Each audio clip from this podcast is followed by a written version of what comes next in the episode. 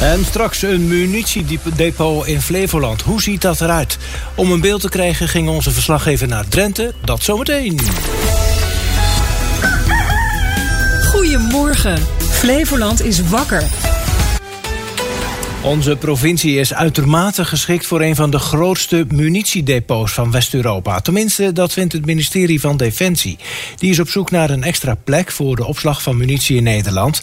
Defensie heeft zeven plekken op het oog, waarvan twee in Flevoland, Zeewolde of Dronten.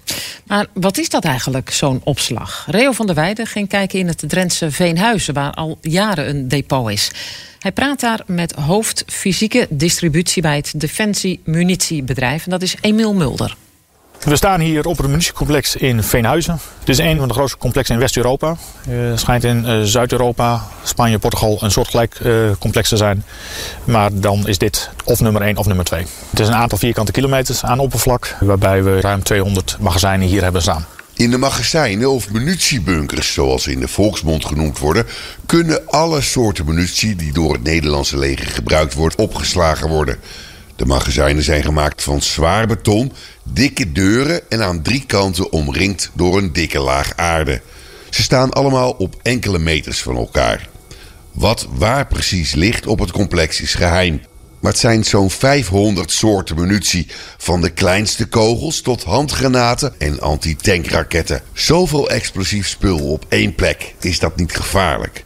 Nee, in mijn ogen is dat zeker niet gevaarlijk. Uh, we moeten voldoen aan diverse eisen. Zowel de constructie van de bouwwerken waar de munitie in opgeslagen ligt... voldoet aan diverse eisen. Maar ook onze wijze van werken moet aan diverse eisen voldoen. Uh, er zijn diverse toezichtorganen die ons uh, controleren op hoe wij munitie opslaan, hoe we met munitie werken, hoe we het verpakken. Er zijn heel veel eisen die gesteld worden aan de verpakking van munitie, maar ook aan de munitie zelf. Uh, en dat wordt regelmatig gecontroleerd. Mijn mensen zijn opgeleid en we hebben daarnaast ook een eigen bedrijfsbrandweer die ook zorg draagt voor alle veiligheidsaspecten en toezichten.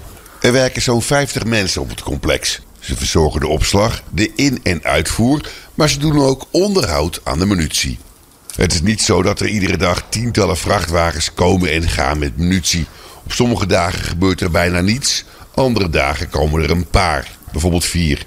Er zijn dus nog zeven plekken in het land die volgens Defensie geschikt zijn voor een nieuwe vergelijkbare opslag. Twee daarvan zijn in Flevoland.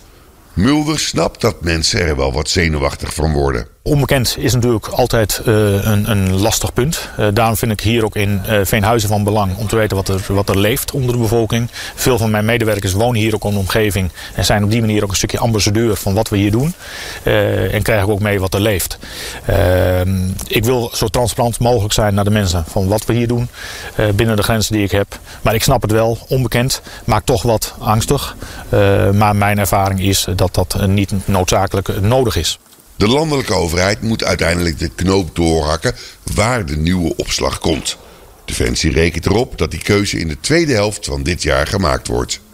Defensie heeft Flevoland ook op het oog voor de bouw van een nieuwe kazerne en voor een ander soort munitieopslag in Noordoostpolder. Maar dat staat los van de komst van een depot zoals die in Veenhuizen. Is het huis uh, waar je woont nog wel geschikt voor jou? Of kun je beter verhuizen naar bijvoorbeeld een kleiner, goedkoper of juist groter huis? Die vraag zouden huurders zichzelf vaker moeten stellen, vinden vijf Flevolandse woningcorporaties. Volgens de verhuurders is het een belangrijke oplossing voor het woningtekort. Dat is ook in Lelystad een groot probleem, weet directeur Martine Visser van woningcorporatie Centrada. Ja, dat is heel groot. We hebben uh, ongeveer 19.000 mensen die ingeschreven staan als woningzoekende. En zo'n 7 à 8.000 daarvan zijn ook echt heel actief op zoek naar een woning. Dus dat zijn best wel heel veel mensen. En op iedere woning reageren ook zomaar 450 mensen. En nu hoor ik continu in het nieuws mensen die zeggen er moet gebouwd worden. Bouwen, bouwen, bouwen. Dat is de oplossing. Is dat inderdaad de oplossing? Uh, nieuwbouw is een hele belangrijke oplossing. Zonder nieuwbouw uh, kunnen we eigenlijk niks, want zit die hele woningmarkt op slot. Uh, maar behalve nieuwbouw moeten we ook zorgen voor doorstroming. Zodat mensen eigenlijk gaan naar een woning die past bij de samenstelling van hun huishouden. Doorstroming is dus een belangrijke sleutel, maar juist die doorstroming vertraagt op dit moment. Wouter Langeveld van woningcorporatie De Alliantie in Almere legt uit wat er precies misgaat. Vaak zitten mensen op een verkeerde plek. Daar wonen ze bijvoorbeeld in een te groot huis. Kinderen zijn het huis uit en de mensen willen eigenlijk liever naar een wat kleiner appartement. Maar die zijn dan bijvoorbeeld niet beschikbaar. Of de huur van het appartement is hoger dan de huur van de woning waar ze op dat moment in zitten. Nou, ik vertel al even jongeren hè, die eigenlijk thuis wonen, maar het liefst al lang een eigen woning willen hebben. Zij stellen hun leven uit. Dat is echt best wel dramatisch aan het worden in heel Nederland.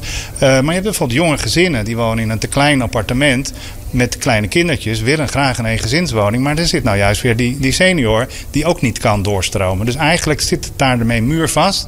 En proberen we allerlei dingen te doen om dat toch te stimuleren. Ja, dus doorstromen, dat heeft volop uw aandacht. Maar u doet er ook inderdaad daadwerkelijk iets aan. Want u heeft volgens mij doorstroomcoaches. Ja, dat noemen wij uh, wooncoaches. En dat betekent dat die mensen op bezoek gaan, vaak ook wel bij seniorenmensen, om ze te verleiden eigenlijk. Om ze uit te leggen wat de mogelijkheden zijn. Vaak zien mensen ook op tegen het gedoe.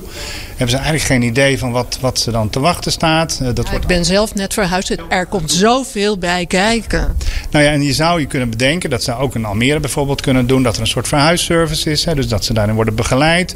Uh, dat er ook misschien een verhuiskostenvergoeding is. Die bestaat ook. Hè, dus als je doorstroomt is er ook een verhuiskosten. Ook in uh, Almere heb ik begrepen. Uh, dus je probeert op die manier door aan tafel te zitten met de betreffende huurders. Te kijken van wat is er nou mogelijk, wat wilt u nou precies, welke blokkades komt u nou tegen en hoe kunnen we u daar dan bij helpen. Wouter de Langeveld van woningcorporatie De Alliantie. Je hoort een reportage van verslaggever Marian van Ens. En dan de berichten van buiten Flevoland. De opnieuw minder concurrentie voor Donald Trump. Ron DeSantis is niet langer in de race om de republikeinse presidentskandidaat te worden in Amerika. Dat heeft hij bekendgemaakt op een eh, video op social media. I can't ask our supporters to volunteer their time and donate their resources if we don't have a clear path to victory. Accordingly, I am today suspending my campaign. Ja, de Santis eh, ziet geen mogelijkheid meer om te winnen... en zegt dat het duidelijk is dat de meerderheid van de Republikeinen... Trump nog een termijn gunt. Er is nu nog één serieuze uitdaging voor Trump... en dat is de overgebleven Nikki Haley. Ja, is dat echt een serieuze uitdager? Uh, nou, weet je, die, die, cijfers van die eerste primaries... Daar, uh, als je dan de nummer 2 en 3 bij elkaar optelde... kwamen ze nog niet in de buurt van Nee, Trump. daarom. daarom. ja. Nou ja, goed. We ah, gaan goed, zien. ze houdt dapper vol. Ja, we gaan zien hoe lang nog. Veel vogelliefhebbers trokken er dit weekend op uit... om mee te doen met de jaarlijkse ooievaarstelling. Met die telling moet in beeld gebracht worden... hoeveel ooievaars er overwinteren in Nederland. Deze vogelaar ging in het gooi op zoek. Ze spreken aan, ze zijn een meter groot, ze zijn wit-zwart met, een, met rode poten, rode snavel. Uh, dus het, het zijn hele herkenbare beesten. Ja, ze laten zich uh, vandaag niet zien, hè, geloof ik? Nee. Waarom is dat? Ja, waarom weet ik niet. Ik denk dat, dat ze hier uh, het eten al gevonden hebben. Dat ze nou op een ander plekje op zoek zijn naar eten. Ja, zo simpel kan het zijn. Hoeveel ooievaars er geteld zijn is nog niet bekend. De laatste jaren lijkt Nederland minder in trek bij de vogels. Broedende ooievaars blijven wel vaak hier. Nou, de sport, het eredivisie tussen uh, Almere City FC en Fortuna Sittard is zaterdagavond op het laatste moment afgelast. Ja, beide ploegen waren in een uh, vol Janmar-stadion bezig aan de warming-up. Toen bleek dat het niet doorging. Het veld was door de vorst onvoldoende bespeelbaar. De oorzaak bleek een kapotte verwarmingsbuis. En dus teleurgestelde gezichten zaterdagavond. Verslaggever Martijn de Groot die sprak met algemeen directeur John Bes van Almere City FC. De wedstrijd van vanavond Almere City FC Fortuna Sittard is definitief afgelast. Dit komt door een defecte verwarmingsbuis in de veldverwarminginstallatie. Waardoor er gevaarlijke situaties zouden kunnen ontstaan hier vanavond op het veld in het Janmar Stadion. John Bess, de wedstrijd Almere City Fortuna Sittard is op het allerlaatste moment afgelast. Hoe teleurstellend is dit? Ja, ongelooflijk. Alles en iedereen zit er klaar voor tegenstander komt vanuit Sittard. En uh, ja, ondanks de kou denk ik een, uh, een prachtige setting voor een, voor een leuke wedstrijd. Ja. Was dit wel de enige juiste beslissing? ja, want ik ben uiteindelijk ook in het bewuste hoekje geweest. En dat is gewoon een ijsbaan. Ja. Niet verantwoordelijk om daar te spelen? Nee, nee. Ja, het is een, een defecte of niet optimaal werkende verwarmingsbuis. Waardoor je echt over een strook van een, van een meter zeg maar, een heel hard, uh, hard gebied hebt. Ja, maar hoe kan dat? Is het helemaal niet getest? Ja, natuurlijk wel, want de verwarming staat natuurlijk al dagen aan. Alleen die, uh, die verwarmingsbuis die werkt niet optimaal. Wat ik nu begrijp is, is, is dat dat wel al, uh, al, al de hele week zo was. Alleen dat die, dat die wel warm genoeg was zeg maar, om het veld op een goede manier, goede manier te verwarmen. dus zo was het vanmiddag ook. Alleen ja, vanaf het moment dat de temperatuur onder nul is, is gedoken is daar toch ijsvorming ontstaan. Dit effect in de veldverwarming, kan het snel verholpen worden? Want het, blijft natuurlijk wel koud. Ik, ik zit boordevol vragen Martijn. Dus het is ook een nieuw systeem. Dus ik heb daar zelf ook geen ervaring mee. Ik zal echt het, het, het grasteam en de mensen die, die met die verwarming bezig zijn... moeten uitvragen over ja, hoe snel dit, dit, dit opgelost kan worden. En en hoe we dit in de toekomst in ieder geval kunnen, kunnen voorkomen. En of het sowieso te voorkomen is geweest. Want laat het, laat het ook duidelijk zijn. Dat is nog maar zeer, nog maar zeer de vraag. Ja, louter teleurgestelde mensen. Met name natuurlijk ook de mensen die een hele lange reis uit Limburg achter de rug hebben. Ja, zeker. Daar begon ik al mee. Dat is natuurlijk super vervelend. Als je ook nog een keer twee keer in een week uh, deze, kant, uh, deze kant op moet komen. En je bent klaar voor een, uh, voor een wedstrijd. En, en die, kan, ja, die, die kan dan last minute niet gespeeld worden. Super, super teleurstellend. Ja. Wanneer moet die ingehaald gaan worden? weet ik niet. Maandag uh, contact met de KVB uh, eh, daarover, over een, uh, over een nieuwe datum. Dus dat, dat, dat, dat gaan we zien. Ga rustig naar huis en volg de aanwijzingen van onze stewards op. Dankjewel. Algemeen directeur John Bess je van Almere City FC. Gaan we door met de derde divisie A. SV Urk heeft zaterdagmiddag een mooie 4-0 overwinning geboekt tegen hekkensluiter Odin 59. Het had wel 10-0 kunnen worden, want Urk miste best wel veel kansen. Zo ook aanvaller Lucas Schraal. Ja, zoals gewoonlijk heel veel kansen nodig om, uh, om weer te scoren. Maar goed, vier erin. Zo meer dan, uh, dan gemiddeld volgens mij. Dus uh, eindelijk weer een keer met grote cijfers gewonnen. Nou. Deze moest ook wel, hè? want ja, Oden had weinig in te brengen. Ja, vanaf het begin zaten wij er op zich goed in.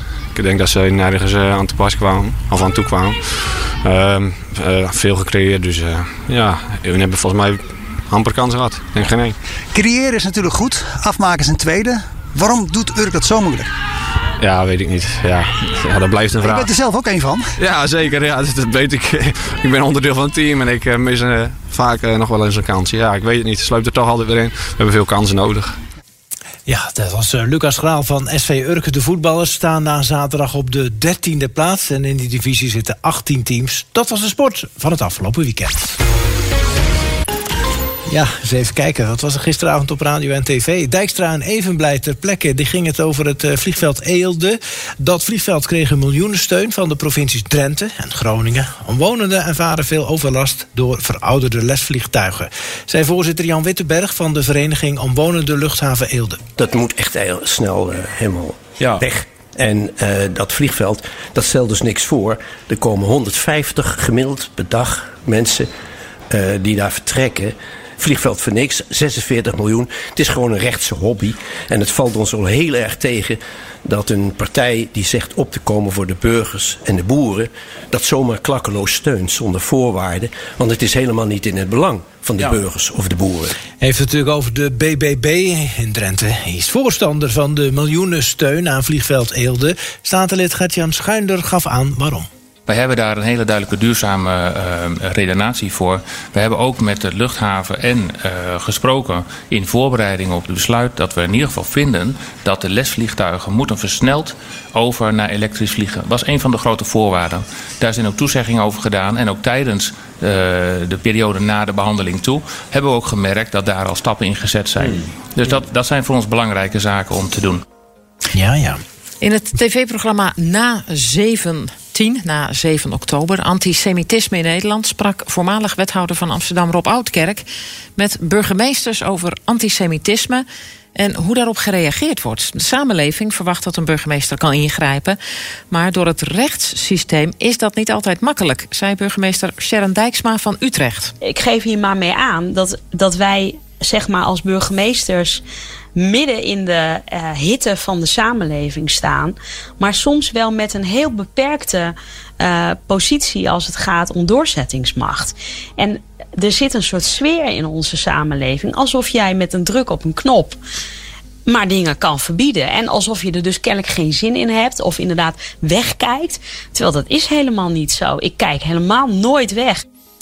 Veel gemeenten proberen daarom maar weg te blijven van conflicten, zoals dus die tussen Israël en Hamas. Burgemeester Abu Taleb van Rotterdam wilde dan ook geen vlag van Israël hijsen. Luisterend naar de gemeenteraad heb ik er een protocol opgesteld waarin staat dat wij geen vlag halfstok hangen als er sprake is van een conflictgebied. En dus niet Armenië, Azerbeidzjan, doen we het ook niet. Um, uh, Israël-Palestijn doen we het dus ook niet. Tweede belangrijke punt is, wij hangen geen vlag halfstok als het leidt tot verdeeldheid in de stad. Dat is het Rotterdams protocol. En dit voldoet aan beide. Ja, dan is het logisch dat je dus niks ophangt. Er was wel heel veel discussie over natuurlijk, hè? Ja, daarom. Maar als je het zo hoort uitleggen... Maar ja, ik bedoel, in het hitte van de strijd gaat natuurlijk niemand vragen naar een protocol. Dan nou ja, je, die, die vlag moet of die vlag moet niet. Het is ook een bepaald symbool. Ja, daarom. Maar goed, dat waren wat zaken die je gisteravond uh, mogelijk hebt gemist op radio en tv.